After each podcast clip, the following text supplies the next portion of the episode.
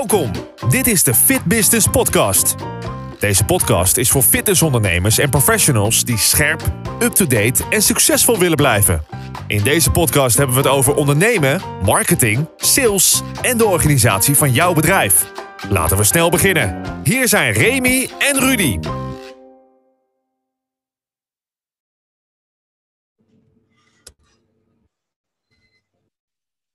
Yes. Het is weer tijd voor een nieuwe aflevering van de Fit Business Podcast. Uh, vandaag aflevering 8 van seizoen 2. Dat lees ik letterlijk van een blaadje af. Dat ik de cijfers niet door elkaar ging halen. Um, zo slecht ben ik in de cijfers. Maar het voordeel is dat uh, alles wat, uh, waar, waar, ik minder goed in ben, daar heb ik mijn co-host Rudy Goding voor. Rudy, welkom. Te veel eer, Remy. Te veel eer. Te veel eer. Ja. En, en, dan, en, en, en dan uh, laten we het op houden dat we elkaar aanvullen. Net als een, net als een uh, liefdesrelatie. Uh, als je ja, elkaar zwakke punten kan aanvullen. Hey, um, we hadden eigenlijk vandaag een gast gepland. Um, helaas, de, het goede nieuws is natuurlijk... Um, we horen allemaal berichten dat binnenkort er weer meer mogelijkheden zijn in de huidige maatschappij rondom de coronamaatregelen. helaas heeft yes. onze gast, is dan misschien een van de weinigen die op het laatste moment toch nog door corona geveld is.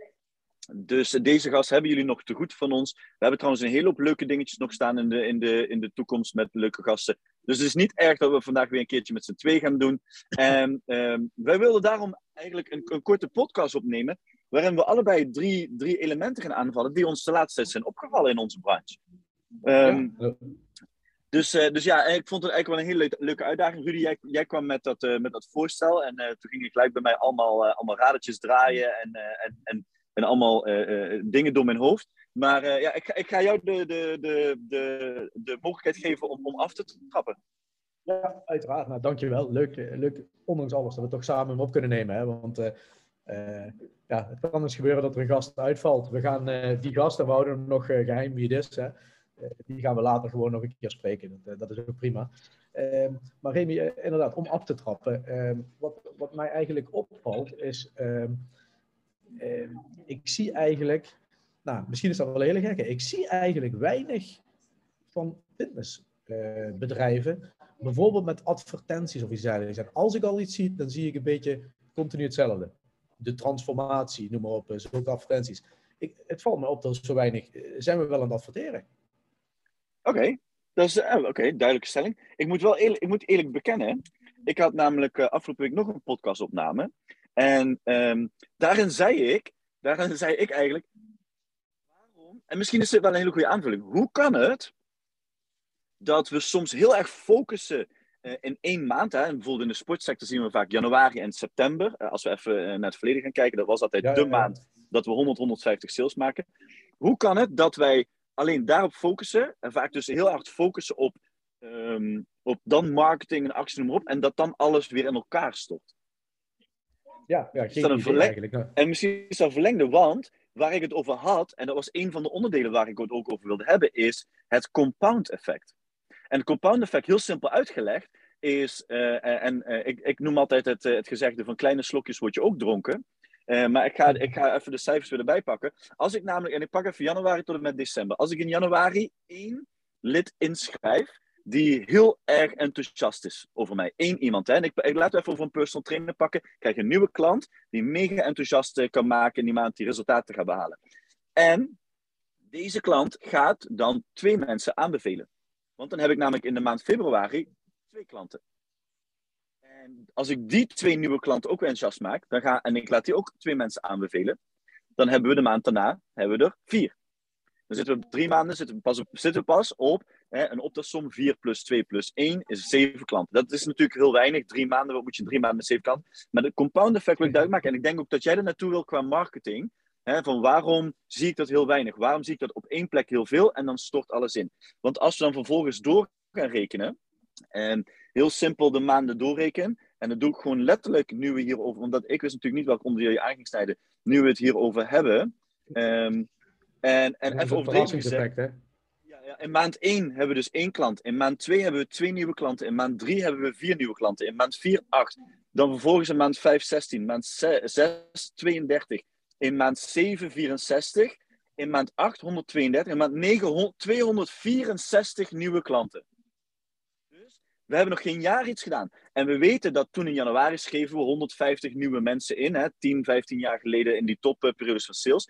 En ik heb hem nog niet eens afgemaakt. Ik denk dat eh, als je hem door zou zetten, ga je richting de 1000 klanten in december. En nu weet ik dat dat een beetje overdreven klinkt. Want hoe moet je als een personal trainer 132 of 264 klanten in een maand uh, gaan, gaan, gaan binnenkrijgen? Maar het compound effect is belangrijk. En ik denk dat jij daar ook naartoe wil qua, qua marketing. Hoe kan het dat we niet elke maand een klein beetje doen in plaats van uh, op één maand volledig storten, toch? Ja, ja precies. Waar, waar ik ook, uh, dat is een goed, een goed effect natuurlijk wat je zegt. En, en, en het, uh, het aanbevelen ervan en daar nieuwe klanten van halen, dat is misschien zelfs een hele andere stelling erbij. Maar ja, dat valt mij op. ik zie dus enerzijds, zie ik vlak na de heropening, uh, was het 17 januari of zoiets, hè, dan, dan zie je volle gas advertenties op transformatieprogramma's en, en weet ik wat je allemaal ziet. Um, dat zijn vaak de advertenties die door de wat grotere bureaus worden opgestart, denk ik. Hè. Denk aan nou ja, van Arnoud bijvoorbeeld, Hidden Profits of, of noem maar op. Ehm, maakt ook niet zo heel veel uit. maar wat mij opvalt, dat dat eigenlijk nu inderdaad een beetje instort van wat ik zie. En als ik iets zie, zie ik nog iets van de grotere bureaus. Maar um, je ziet niets anders. En dan denk ik, dat is wel gek, want het kan toch niet zijn dat, nou ja, ik woon in Sittard, uh, dat er maar twee fitnesscentra aan het adverteren zijn. Ja. Dat kan niet. En ook als ik ga zoeken, bedoel, de, de, de, men kan natuurlijk zeggen, ja, maar je wordt niet getarget. Dat zou kunnen. Uh, maar als ik gewoon ga zoeken, want dat, ik heb dat wel opgezocht, en dan zie ik dat niet langskomen, bijvoorbeeld via de Facebook-platforms. dan kun je opzoeken van uh, wat doet iemand aan advertenties. En dat, dat zag ik niet. Dus dat vind ik wel heel bijzonder. Dat, uh, uh, je weet, nu moet het gebeuren. De branche heeft natuurlijk flinke klappen gehad. De, de, de derde lockdown was, uh, was niet de langste, maar misschien wel de pijnlijkste. En dan, dan zou je toch zeggen, dan ga je nu nou, bijna all in, zal maar zeggen, om dat gat weer te dichten. Dat, ja. dat, dat vind ik heel bijzonder, hoe dat, hoe dat kan. Is, is, is, zou, zou dat, nee, maar, maar, zou, maar zou, zou, dat dan een, ook, zou het een financiële kwestie kunnen zijn? Ja, dat zou kunnen. Ik heb toevallig hoorde ik nou, niet toevallig, maar deze week sprak ik iemand, een, een, een, een grote franchisegever, en die zei dat hij die signalen ook al hoorde uit, uh, uit den landen, zoals men dat zegt, dat men uh, inderdaad, ja, het is lastig, hè? Uh, er is niet zo heel veel cash. die cash die krijg je pas met het compound effect over een hele tijd. Ja. En dan ga je natuurlijk wel je, je, je euro's goed afwegen. En het zou misschien wel kunnen dat men denkt, oh, dan moet ik even die marketing euro omlaag zetten. Wat natuurlijk denk ik, niet de goede keuze is. Want uiteindelijk moet je het toch hebben ook voor de nieuwe inschrijvingen. Ja, en, en, maar ook, ook daarnaast, en daar ben ik ook wel benieuwd naar. Wat, wat, uh, kijk, uh, uh, misschien wel leuk om een kleine teaser te geven. over enkele weken, over twee weken volgens mij, gaan wij een boekreview doen. Ja, jongens, Rudy heeft namelijk in 2000. Rudy heeft in 2000 een boek uitgebracht over B2B marketing. En uh, die heb ik natuurlijk onder mijn neus uh, gekregen. En die ga ik ook echt heel aandachtig lezen. En ik ga er heel kritisch review op geven. Maar ook alle vragen aan Rudy en zijn, uh, waarschijnlijk ook zijn, zijn mede-auteur stellen, Nico. maar um, um, um, kijk, ik weet ook dat jij heel erg van de social media marketing bent. En als ik, als ik kijk, ik, ik heb bijvoorbeeld nu een marketingcampagne gedaan op, op Facebook redelijk gericht op mijn doelgroep. Hè. Tenminste, ik ben aan het leren hoe ik dat steeds meer kan richten op mijn doelgroep. En hoe ik dat uh, kan fine-tunen. Ja, nou, en uh, in plaats van gewoon mijn doelgericht opgooien. En dat, dat kostte mij dan voor uh, 10 dagen kostte mij dat 50 euro. Um, dat, is, dat is niet zo heel, vind ik, niet zo heel veel geld. Dus nee. ik denk als je zo. Nee, ja, en, en ik hou nu ook elke dag bij, hè, qua kliks naar, naar mijn website. Het doel was kliks naar mijn website toe. En ik zag nu een gemiddelde prijs van 39 eurocent per klik naar mijn website. En denk van oké, okay, weet je, daar ben ik tevreden mee. Misschien dat jij daar anders over denkt. Dat je, tuurlijk, hè, hoe lager dat, dat, dat bedrag is, des te beter. Maar um, ja, je moet wel dat proberen. Zien, uh, dat ga je in het boek zien, Remy. In het boek komt dat ook naar voren. Uh, weliswaar een heel kleine strofe, denk ik. Maar uh, natuurlijk wil je altijd de laagste kost per klik, de laagste kost, laagste kost per conversie. Want daar heb je natuurlijk veel meer ja. aan dan kliks. Hè? Het is niet zo heel moeilijk ja. om mensen aan je website te krijgen, maar de actie uh, die ze moeten doen, dat is wel lastiger. Uh, maar de laagste kost per klik, dat mag niet je doel zijn. Je doel moet zijn, ik moet de beste klik of de beste conversie krijgen. Dus de persoon die ik wil. Hè? Want je wil natuurlijk iemand krijgen die zegt, hallo Remy, uh, in dit geval gaat het om sportverloning. ja. Ik, ik, wil met jullie eens kijken of we in zee kunnen gaan. Nou ja, weet je, die klik van mensen die denken, oh interessant, dat is niet zo moeilijk. Maar die persoon zien te vinden, dat mag niet het uitgangspunt zijn dat die zo goedkoop mogelijk moet zijn. In de zin van, het gaat er niet om of die klik van 0,39 naar 0,20 moet gaan. Het gaat erom, wat is nou de ideale kostprijs om dat te krijgen? Ja, nou, dus, dat, is wel, nou ja, dat, is een, dat is een heel de goed waarde, punt. En, De waarde eigenlijk. Hè? Ja, ja, ja, ja. Dus ook voor- Ja. als je naar fitness kijkt, het is leuk om. eh, eh, je wil natuurlijk leads krijgen, maar je wil ook goede leads krijgen. En nou is altijd de vraag: wat is een goede lead? Maar hè, eh, daarnaast moet het salesproces goed op orde zijn, want als je die goede lead drie dagen laat liggen, heb je er ook niks aan. Maar eh, laten we vanuit gaan dat je dat even goed op hebt gepakt. Dan, ja, je hebt, je hebt niet zozeer iets aan 100 leads. Tuurlijk is het fijn om te denken: wauw, ik krijg 100 leads binnen. Maar je Mm. wil natuurlijk eh, niet 100 leads voor, eh, voor 200 euro binnenkrijgen, maar eh, gewoon zoveel mogelijk goede leads. ja, En ja. Dat, dat optimum moet je vinden, want eh, ja, er is meer dan alleen maar de goedkoopste prijs. Daar zijn we de Ja. Hollanders voor, hè? Ja, ja, ja, goed. En, en, en, ik- en, en laten we ook zeggen, de goedkoopste prijs is niet altijd de beste resultaat. Hè? Dan is uiteindelijk, het goedkoop kan ook nog altijd duurkoop zijn. Dus maar, en maar stel, stel laten, laten we dit, dit, dit eerste onderdeel, hè, dus wat ons is opgevallen. Dus eigenlijk zijn er al twee dingen, hè, dus, eh, die we samen hebben kunnen voegen. We hebben het compound effect samengevoegd met, eh, met het stukje marketing. Ehm, we zien het dus weinig eh, terugkomen. Nou, eh, we horen dus ook zelfs via externe, factoren, eh, externe mensen dat financieel een, een ding kan zijn. We hebben al één tip gegeven. Hè. Maak een goede social media campagne. En ja, daar moet je even tijd in steken.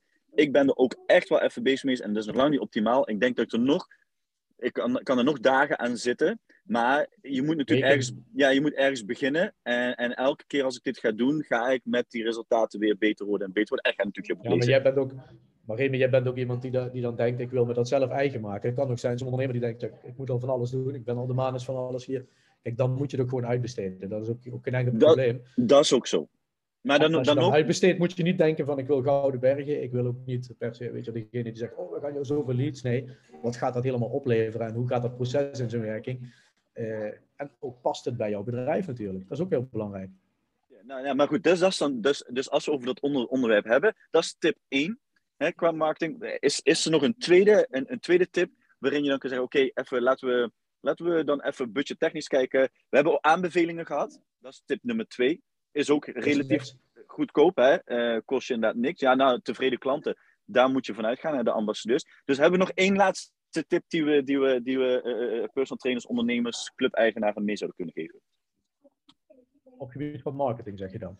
Ja, Ik zou zeggen, ehm, als je nu al denkt dat mensen misschien eh, ehm, wel willen beginnen, want dat denk ik wel. Ik denk dat mensen iets te besteden hebben.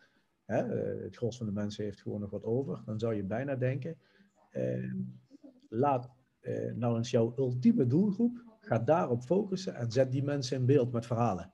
Video, beeld, noem maar op. Zodat de mensen die nu nog twijfelen denken van, hé, hey, maar daar wil ik wel naartoe gaan. Dan heb je een combinatie misschien wel van nou, social media marketing samen met aanbevelingen. Mm. Ja, want dan heb je een soort indirecte aanbeveling. Iemand die je niet kent, beveelt toch aan van hey, ga daar naartoe. En ik denk, als je je dan toch ergens op moet richten, het kost je wel tijd, maar niet zozeer geld. Tenzij je een dure cameraman gaat inhuren, wat goed kan zijn overigens. Hè, want ik noem het maar je zou het ook zelf kunnen doen met een beetje goed materiaal. Eh, het gaat er meer om denk, dat je een stap zet in plaats van niks doet. Want dat is een beetje waar we kwamen. Doet men niks aan reclame? Dat is de vraag. Ja, ja, Ik denk dat dat nooit goed is. Doe dan iets, hè. Ja, nou ja, dat, dat zeg ik. Zoals jij bezig bent, evalueer hoe het werkt. Ja, ja, ja, uiteindelijk ga je natuurlijk wel kijken. En, en, en dat is, weet je, eh, eh, eh, het stukje zichtbaarheid is, is denk ik ook vaak heel erg belangrijk. Ehm, en dat heb ik ook weer gemerkt de afgelopen dagen. En dan ga je ook, ook nadenken. En soms ook misschien goed om met iemand erover te sparren. Hè? Pitch maar je idee. Ik heb volgende week met een ondernemer een afspraak staan. Eh, en, hij, en ik heb gewoon gevraagd, heb je 15 minuten voor mij waar ik een idee kan pitchen? Ik heb maar 15 minuten nodig. Vijf minuten voor mijn pitch, vijf minuten voor feedback en vijf minuten waar we misschien samen eh, eh, kunnen, kunnen hebben over koetjes, kalfjes en alle andere dingen. En dan kost het niet veel tijd, maar dan heb je wel vaak even andere ogen die er naar kijken, die kritisch zijn en wat, wat heel veel kan opleveren. Ja, precies. En ik denk ook in dat, eh, dat, dat, dat sowieso heel goed dat sparren wat je zegt. En ehm, ik denk ook als je dan kijkt van uh, budgetair is het misschien uh, niet altijd even makkelijk, maar probeer dan ook maar gewoon, probeer in elk geval niet te denken vanuit wat jij zelf denkt wie je binnen moet halen, maar ga gewoon kritisch kijken naar je, naar je klantengroep. Van hey, wat zijn nou de mensen in mijn groep die sowieso enthousiast zijn, veel waarde opleveren, lees ook euro's. Maar ook klanttevredenheid natuurlijk. Wat zijn mijn meest tevreden klanten? En ga kijken of je daar dan meer mensen van kunt vinden. In plaats van dat je de hele wereld probeert te bereiken. Want als je iedereen probeert te bereiken, bereikt toch niemand. Ja, bereik je niemand. Mee eens. Oké, dat is dat, dat, dat, dat is punt 1. Uh, punt 1 en 2, we hebben compound effect ook al gehad. Tenminste, uh, Misschien op 3 en 4. Ja, nou, ik, ik, re ik realiseer me uh, dat we hebben natuurlijk drie topics, misschien ieder of drie topics totaal. Ehm, volgens mij kunnen wij deze podcast alweer anderhalf uur maken. Um, maar laat, laten we eens kijken hoe ver we komen. Ik, ik wil wel iets aanhalen. Ik heb hier vandaag een post over gezet, ook op social. Echt letterlijk een half uur geleden. Um, ik was namelijk uh, afgelopen, uh, afgelopen week over een aantal dingen nadenken. Uh, zoals sommigen misschien al eens hebben, hebben vernomen. Ik ben om mijn, um, hoe zeg je dat, na mijn carrière nog een leuk financieel centje te hebben. in plaats van sparen en een pensioen ben ik gaan beleggen. Dus maar dat doe ik helemaal zelf. Maar ook hierin, ik ben me er ook in gaan ontwikkelen. Dus ik lees er boeken over, ik luister podcasts over, ik probeer me echt te verdiepen, jaarverslagen, et cetera. Dus ik neem er echt de tijd voor. En ik vind het een heel leuk spel en ik leer als ondernemer. Maar nu ging ik nadenken, want ik hoorde op een gegeven moment, begreep ik, van, ja, als je naar bedrijven gaat kijken, hè, dan hebben we het wel over bedrijven die natuurlijk be beursgenoteerd zijn, dat die, uh, er kwam ergens een, een boek voorbij, dat is wel wat ouder, 15 jaar bestaan, gemiddelde bestaan van een bedrijf op de beurs 15 jaar is. En toen dacht ik op een gegeven moment, ik ben natuurlijk vanuit, vanuit sportverloning, kijk, jij bent vanuit marketing veel bezig, vanuit sportverloning heel veel bezig met uh, werken naar inkomenszekerheid, kijken naar hoe gaan we mensen in de, in de sportsector verlonen, in de hele sportsector, hè, dus niet alleen de fitness. En toen dacht ik, dat is best gek. En, en wat gek is, is dat onze, ik, onze, onze maatschappij staat om wetten en regels in de arbeidsrelatie die zijn afgestemd op 1958. Want in 1958 was de gemiddelde levensduur van een bedrijf 61 jaar. In 1980 is die gedaald naar 25 jaar. Rondom 2018 jaar, we zitten nu op gemiddeld 10 jaar dat een bedrijf bestaat. En de verwachting in 2033 is 5 jaar. Nou, die gouden handdruk, die kun je al vergeten. Um, de, het, het, werken van 40 jaar voor eenzelfde werkgever of, of, of, dergelijke, dat wordt ook steeds. Dus buiten dat je zelf ontslag kan nemen of dat je ontslagen wordt, de, het feit dat een bedrijf failliet gaat, wordt steeds groter als je ergens werkzaam bent. En als we dan op die baanzekerheid gaan zitten met de huidige wetgevingen, vind ik dat heel erg gek. Uh, wat ik wel nog afvraag, en dat ga ik wel onderzoeken in de komende week of weken, is uh, hoe dat gemiddelde in de sportsector in Nederland is. Hè? Um, uh, hoe fitnessclubs zich daarin verhouden. je, kan natuurlijk, je hebt natuurlijk ook genoeg fitnessclubs zeggen, ja, maar wij bestaan al 25 jaar, wij bestaan al 33 jaar. Ja, dat klopt, maar er is ook een heel grote groep die we dus niet horen, die niet zo lang bestaan. Um, ja, en of dat misschien ook wel eens verandert rondom de personal training, de boutiqueclubs die er, die er zijn ontstaan. Um, en, en dat vind ik wel gek dat we daar nooit over hebben nagedacht.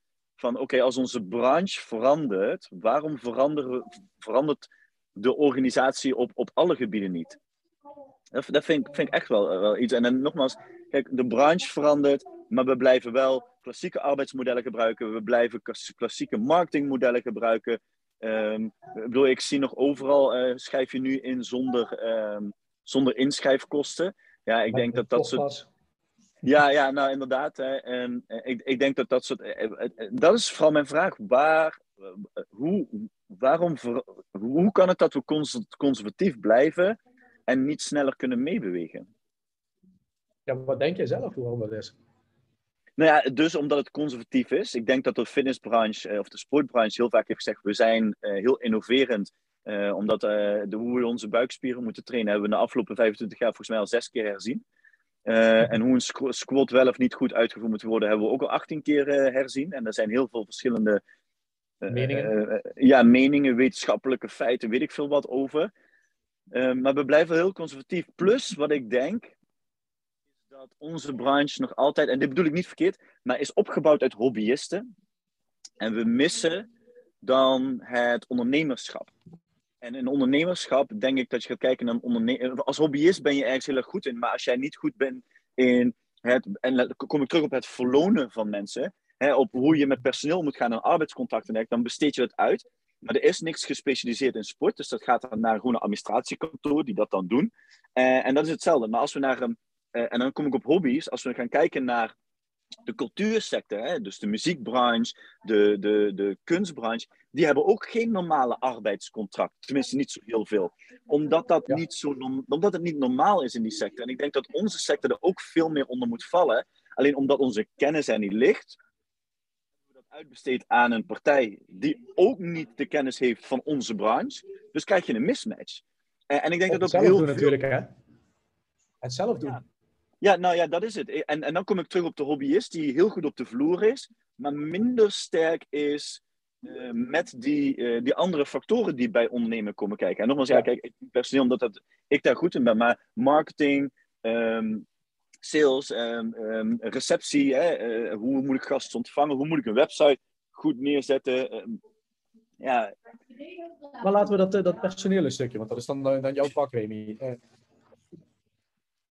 Vertel de luisteraar die op dit moment, laten we eens zeggen, ja, wil je twee smaken, die het op uitbesteed heeft. Dat kan dan payroll zijn of iemand anders doet je administratie. Hè? Het kan ook de loonadministratie gewoon zijn. Of degene die het zelf doet. Misschien zijn er wel twee aspecten, dat weet ik eigenlijk niet.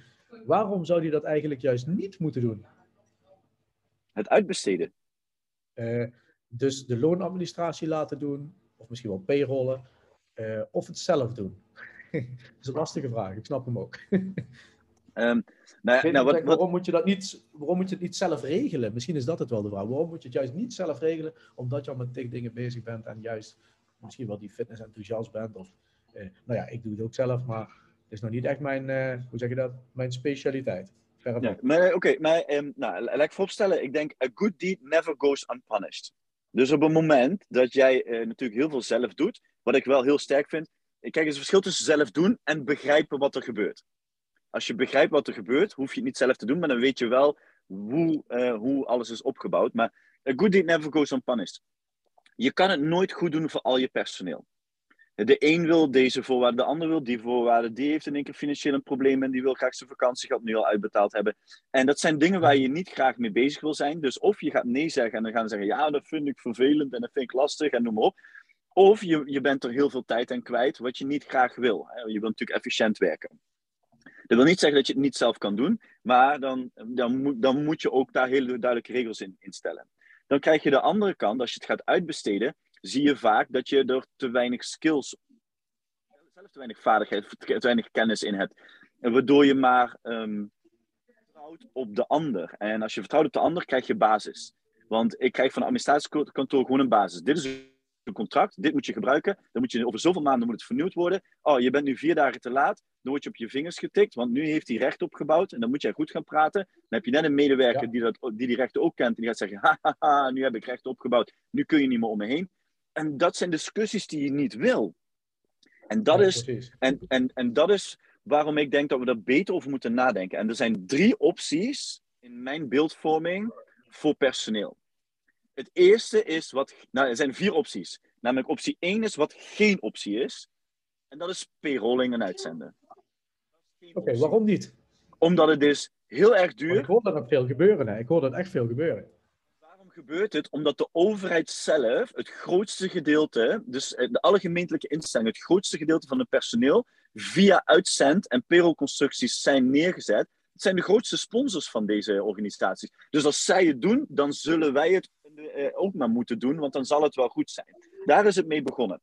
Maar eigenlijk kost het heel veel geld voor weinig eh, eh, loon, want aan beide kanten wordt ingeleverd. En het, ik zag onlangs weer een bericht voorbij komen, daar de sloeg ik van achterover. Er was iemand die had vijf jaar gewerkt voor een bepaalde instelling via Young Capital. En eh, vervolgens één maand voor die vijf jaar werd die persoon helaas uit het, eruit gezet, moest een andere baan zoeken. Er werd wel nog even gevraagd om die 60 euro vergoeding van die opleiding die ze nog moest betalen. Want ze had dan een bepaald bedrag gehad en elke maand nam dat af. Maar ze moest nog 60 euro betalen. Dus na, na vier jaar en elf maanden ga je over een pietlutterige 60 euro als organisatie. Kijk, en dat, is, dat, dat gebeurt bij en uitzending, want die moeten elke euro willen ze omdraaien. Nou, en dat vind ik heel gek.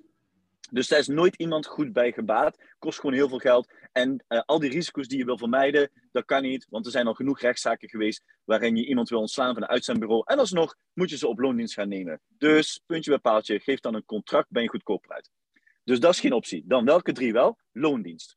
Neem hem in loondienst. Als je dat kan en het risico kan dragen en iemand is fulltime in dienst of is een manager of noem maar op, of werkt er heel lang voor je, geef hem een loondienstcontract. Klaar. Weet je? Maar weet wat je geeft, maak duidelijke afspraken en leg eventueel de regie bij die persoon terug. Bespreek vakantiegeld, vakantiedagen. Bespreek wat eh, pensioenvoordeel. Weet je, je kan ook zeggen: Oké, sorry, ik geef je geen pensioen, maar je krijgt 50 cent per maand meer, per uur meer. En voor die 50 cent in die uren, kijk, als iemand 160 uh, uh, uur in de maand werkt, dan is dat uh, natuurlijk een 80 euro. Die 80 euro kun je zelf in je pensioen inleggen. Weet je, dat is, dat is ook een manier om te werken. Hè? Zo, maar zo ben je wel duidelijk met elkaar en dan kun je wel werken naar de toekomst. De tweede oplossing is ZZP. Oké, en dan moet je voor kiezen op het moment dat je beide daar positief tegenover staat en ook de risico's kan mijden. Dus heb ik, ik had laatst een gesprek met een ondernemer, en die ging voor de eerste keer personeel aannemen. En die zei, ja, maar hij is ZZP'er, maar dat vind ik spannend, ik wil hem eigenlijk naar sportverloning hebben. En toen zei ik van, nou, laten we even het gesprek met de ZZP'er aangaan. Hè. Dan laten we eerst eens weten waarom. Dus, maar uit, uit het gesprek bleek dat die ZZP'er heeft gewoon echt heel veel klanten. Maar letterlijk consumenten. Uh, werkt voor vier andere fitnessclubs. Dus er zit geen gevaar in voor kaploondienstverband. En hij wil graag ZZP'er. Hou die man dan ZZP'er. Ja. Maak duidelijke uurtarieven afspraken en klaar. Vraag eventueel om de drie maanden een, een goed betalingsbewijs, of betalingsbewijs van goed, uh, een, een, bewijs van goed betaling. Uh, dat kan je gewoon bij de Belastingdienst opvragen. Als je dat drie keer hebt gedaan, die is drie maanden geldig, heb je dat drie keer gedaan, krijg je hem elke drie maanden, mits je natuurlijk dat, dat niet netjes betaalt, krijg je, krijgt op een gegeven moment die ZZP'er het automatisch toegestuurd. Um, zorg dat jij het in handen krijgt, dan weet je A, dat de afdrachten goed zijn gedaan, dat je niet verantwoordelijk gesteld kan worden voor dat. B, check even of er inderdaad voldoende uh, opdrachtgevers zijn. En C, dat die ZZP het graag wil. Nou, dan heb je nog een heel goed grijs ja, gebied, wat, wat je niet in loondienst wil hebben, omdat die op parttime zitten, of bepaalde voorwaarden waar je niet aan kan voldoen. Of je wil gewoon niet aan die, loon, aan die loondienstverbanden zitten. En die wil ook geen ZZP. Wat zou dat zijn dan? In welk geval heb je dat? Uh, dat, dat, zie je vaak bij parttimers. Uh, laat zeggen 12 tot 16 uur of nog nou, groepslesinstructeurs. Ja. Uh, weet je, die een paar uurtjes bijverdienen die hebben gewoon heel veel uh, uh, afdrachten die ze liever niet doen, maar verplicht zijn in een loondienstverband. En als die kunnen tweede nu... baan ook bedoel je dan? Hè? Ja, ja, als tweede baan bijvoorbeeld. Ja, die kun je nu uitschakelen. Of misschien begin je wel met iemand, maar heb je zoiets van, ja, ik wil eerst eens zien hoe die gaat presteren. Nou, zet hem dan eerst bijvoorbeeld dus bij sportverloning onder. Um, onder, de, onder de voorwaarden. En na een jaar ga je, kun je altijd nog kijken om hem in loondienst te zetten. Of misschien dat hij op een gegeven moment een manager wordt bij jou. Kijk, dan kun je hem altijd nog omzetten. En kijk, en, en, al die al, en dat is een heel groot gebied binnen de sportsector. Hè, want uh, uh, kom ik terug op Basic Fit. Basic Fit, een club wordt gerund op drie FTE's. Um, nou ja, dat zijn 120 uur. Dus als je naar je eigen club gaat kijken en je, je telt je, uh, het totaal aantal uren, meer, tel je er 120 vanaf, dan is eigenlijk al dat andere vaak flexibel dienstverbanden, de mensen die maar een gedeelte werken, en dat is natuurlijk kosttechnisch ook hoger, want de loonstok wordt dan ook duurder voor zo'n persoon, opleidingen worden duurder voor zo'n persoon, et cetera. Ja, zet die bijvoorbeeld op sportverloning, want dan heb je en zij kunnen zelf kiezen wat de voorwaarden zijn, en jij hoeft jezelf niet druk te maken om het risico. En ik denk dat die combinatie van die drie, dat werkt enorm goed. Dan ben je ook innoverend. Dan bied je nog steeds vastigheid van loondiensten voor de juiste doelgroep, maar je hebt ook die flexibiliteit waar je hem wil hebben. Ik bedoel, laten we eerlijk zijn, we klagen ook allemaal dat we geen personeel hebben. En laten we naar groepsfitness kijken. Ik, met, met regelmaat dat ik berichtjes ontvang. Ken jij nog iemand die bodypump kan geven? Of die een uh, yoga kan geven? Nou, op een gegeven moment was ik er helemaal klaar. Ik, ik kreeg gewoon letterlijk wekelijks gewoon meerdere berichten. Dat ik er, en van dezelfde persoon dat ik er klaar mee was. Ja, precies. En toen dacht ik, ja, we hebben ook nooit geïnvesteerd. Maar als je nu... En ik snap dat een flexibele schil op loondienstverband, op contracten opzetten die maar incidenteel invallen, is lastig, kost technisch hoog, niet prettig. Ja, zet die onder sportverloning. Dan kun je gewoon een extreme grote, um, hoe zeg je dat? Uh, uh, uh, ja, grote groep flexibele spoel voor je creëren, waardoor je, waar je altijd uit kan vissen. En er zijn een aantal clubs die dat doen en die ook best wel goed daar, daar, daar door dit soort tijden heen komen. Ja, en daarnaast, ja, ik denk dat clubs veel meer moeten samenwerken. Ehm, als je een personeelslid hebt, laat die ook voor meerdere clubs werken. Ja, meer uitwisselen van elkaar, meer samenwerken. Um, zeker als je clubs hebt die in andere segmenten zitten. Als je een low-budget club hebt en je hebt een uh, middensegment club en je hebt een personal training club. Maar allemaal hebben ze groepsfitness. Ja, werk dan samen, want je zit niet in elkaars va vaarwater. Uh, en ik doe dat. Ik werk hier uh, volgens mij op dit moment officieel voor alle fitnessclubs in Roermond en omgeving heb ik gewerkt of werk ik nog steeds. Um, of word ik in ieder geval ingezet. Maar ja, ik ga niet in een club en dan ga ik niet lesgeven van ja, maar ik geef ook bij die club les. Ik bedoel, ik sta er dan voor die club. En um, uh, dus, dus die angst dat mensen overinstappen naar een andere club, daar moeten we denk ik ook van afstappen. Dus maar ja, dat, dat zou mijn antwoord zijn. Hebt, ja, ja, ja, zeker. zeker uurtjes, hè? Ja.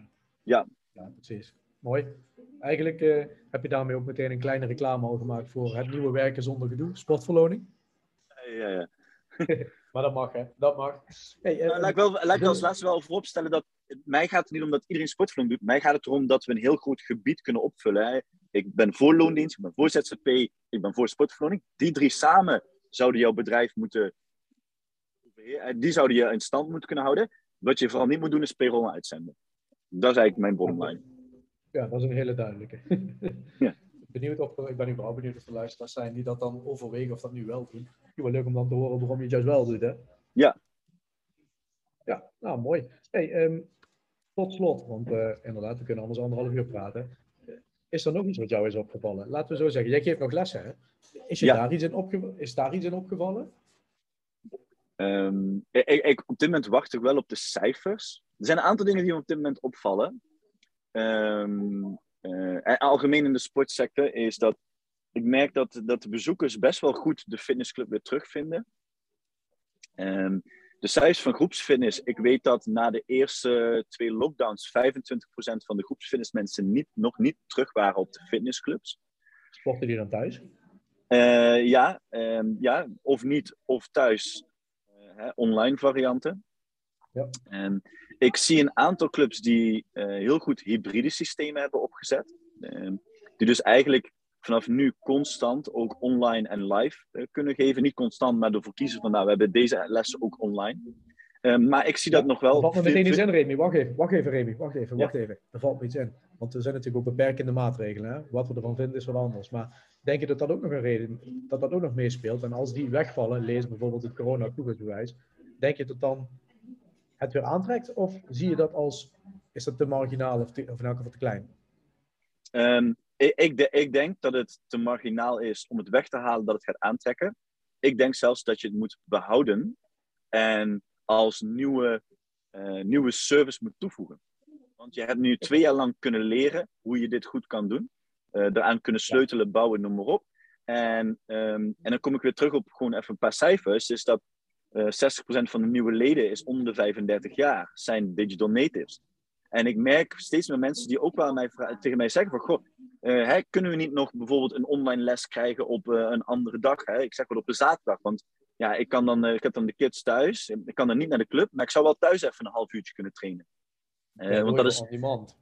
Ja, ja dat, hè, of dus, het is makkelijker, want dan, kan ik, dan hoef ik niet op en neer te rijden, ben ik meer tijd, minder tijd eraan kwijt. En dan kun je natuurlijk zeggen, ja, dat zijn allemaal gekke excuses. Maar ik zeg niet dat die mensen alleen thuis doen, maar dit is de combinatie van. Ze willen heel graag nog steeds op de club die live les van jou, maar ze willen dat niet meer vijf keer in de week naar die club toe gaan. En uh, ze, ze hebben dan liever dat ze, uh, dat ze bijvoorbeeld één keer in de, twee keer in de week naar de club gaan, laten zeggen twee keer in de week naar de club een live les en vervolgens dat aanvullen met online. En dat is echt, kijk, je kan nu heel veel argumenten naar mij toe gooien, maar en, ik, heb, ik, ik zit in een lesmiddels trainerteam. En ik, en ik zie het nog voor me, een paar weken geleden hadden we een trainermeeting, ook online via Zoom. En het eerste wat er werd gezegd door één iemand, zei: Ja, maar bij mij zijn de leden allemaal super blij dat ze weer live kunnen. En, uh, en dat, ze, dat ze niet online, want ze waren helemaal moe. En ja, maar dat is, dat is het, het, A, het gedeelte wat al in jouw les stond. En dat zijn de voorste twee rijen. Maar die achterste twee rijen die in de schaduw staan, die vallen minder op, want die praat je ook minder mee. Die ken je ook wat minder goed. En daar zit het punt. Plus, het zijn de nieuwe mensen.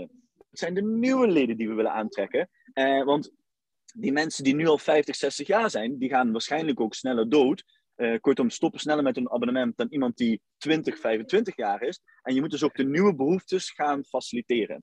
En, ik, en, en dat, is, dat is wel iets wat me uh, bij sommigen opvalt dat ze het wel oppakken.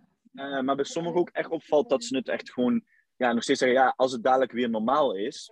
Um, en ongeacht of dadelijk weer alles open gaat natuurlijk.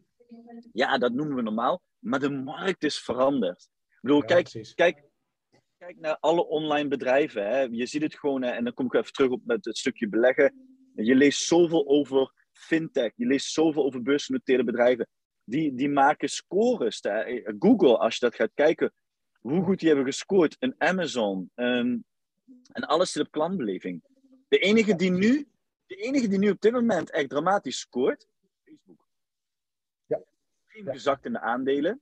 En, en laten we eerlijk zijn, en ik heb dit al een jaar geleden wel eens, of twee jaar geleden wel eens gezegd. Ik vind, zeg maar, um, ik vind Facebook is zeg maar dat, dat familiediner waar je eigenlijk niet wil zijn, maar je bent er toch maar, want het hoort zo. Ja, precies. En jongeren willen zelfs niet meer op Facebook, want hun ouders zitten ook op Facebook. Dus, ja, precies. Dus, dus ja, die hebben het best Ze willen daar niet actief zijn. Hè? Ze willen daar wel meekijken, maar niet actief zijn. Dat is inderdaad wat daar gebeurt. Ja, ja, nou ja, en, en, en dus, dus, hè, eh, dus dat blijkt dus dat ook dit soort bedrijven, ik ben wel benieuwd wat er mee gaat gebeuren. Kijk, ze komen natuurlijk met het metaverse zo meteen. Um, daar hebben we dus op gaan inzetten. Uh, maar dat gaat nog wel even duren voordat dat, dat helemaal, helemaal klaar af En als je ziet, Remy, wat, wel, wat de mogelijkheden zijn qua platforms binnen, hè, binnen Meta, als je dat dan zo moet noemen, daar is nog zoveel mogelijk. Ja. Mensen denken, hè, gaan, uh, nog een punt vanuit marketing, dan gaan die denken, oh nee, dan hoef ik niet op Facebook adverteren, want die platforms, dat zijn er meer dan één. ja, ja. Weet. Ja, ja. Daar bereik je nog steeds genoeg mensen mee. En maar wat ik eigenlijk, eigenlijk terughoor uit, uh, uit wat we nu vertellen, de drie hoofdonderwerpen, is eigenlijk toch dat je continu moet, je moet eigenlijk faciliteren wat die, wat die specifieke doelgroep nodig heeft. Of dat nou marketing is, mm. personele verloning, Hè? Ja. Hoe wil iemand verlonen, wat, wat hoort erbij? Of ook de groepsles, kijk wat iemand nodig heeft. Die nieuwe mensen hebben weer wat anders nodig dan, hè, dan de dinosaurus in je les. Uh, jongeren en ouderen. Dus eigenlijk, ik denk als we daarmee willen afsluiten, dan, dan zien we eigenlijk toch dat uh, uh, niet zozeer wat is ons opgevallen, maar dan meer wat, wat moeten we nu leren van de afgelopen weken. Laten we toch alsjeblieft ons veel meer kijken van wat heeft onze doelgroep nou echt nodig. Ja, nou, dat is wel een heel goed punt. En sterker nog, als je ook gaat kijken naar succesvolle bedrijven, uh, ik las dat onlangs in een boek waar ik nog aan lees ben. Er komt één ding uit en daar staat heel duidelijk: wil je op lange duur overleven, klantgericht zijn. Het gaat niet om de winst. Natuurlijk moet je wel natuurlijk goede omzet draaien dat je je bedrijf dingen. Het gaat niet om de dividenden die je elk jaar kan gaan uitkeren. Het gaat om lange termijn succesvol zijn. En dan gaat het zich weer optellen. en dan krijg je dus dan krijg je weer dat stukje compound effect waar we mee zijn begonnen. Um, want dat zie, dat, uh, dat zie je, ga maar eens naar Amazon kijken. Amazon heeft maar één doel en dat is de beste beleving voor de klant. Uh, zij waren de eerste die, die, die naar één dag shipping gingen. Uh, en, dat was, en ook al dat heeft ze geld gekost, maar daardoor hebben ze wel de hele nieuwe standaard gezet. dus, dus ik denk, en dat wat je zegt, als je met je klant bezig bent of met jouw personeel bezig bent en daar ook echt je best voor doet, dan, ja, dan, dan op een lange termijn ga je daar enorm goed in scoren. Nou, waarvan achter, Remy? Ja, ik dan denk dat, het, dat een mooie afsluiter is, toch? Dan, dat, dat is, ik denk mij hebben we, hebben we zeg maar zo, uh, zo heel kort, uh, ondanks dat de gast natuurlijk af zei, best wel een interessante podcast. Ik ben ook heel benieuwd als er reacties zijn, uh, ja, laat het gerust weten. Um, als er andere meningen zijn en dergelijke. Wij, wij doen dit nu van onze visie en ons standpunt. Dat wil niet zeggen dat het altijd juist standpunt is. Misschien heb je een ander standpunt en misschien is dat wel een leuke gast op dat moment ook voor de podcast. Dus voel je vooral uitgenodigd om te reageren op onze podcast. Um, Rudy, ja, dan ga ik jou bedanken. Merci. Um, en dan ga ik de luisteraars bedanken. En dan uh, volgende week, als het goed is, weer met een gast. Tenzij er weer iets tussendoor komt. Uh, ik wens jullie een fijne dag nog, een fijne voorzetting. En blijf innoveren.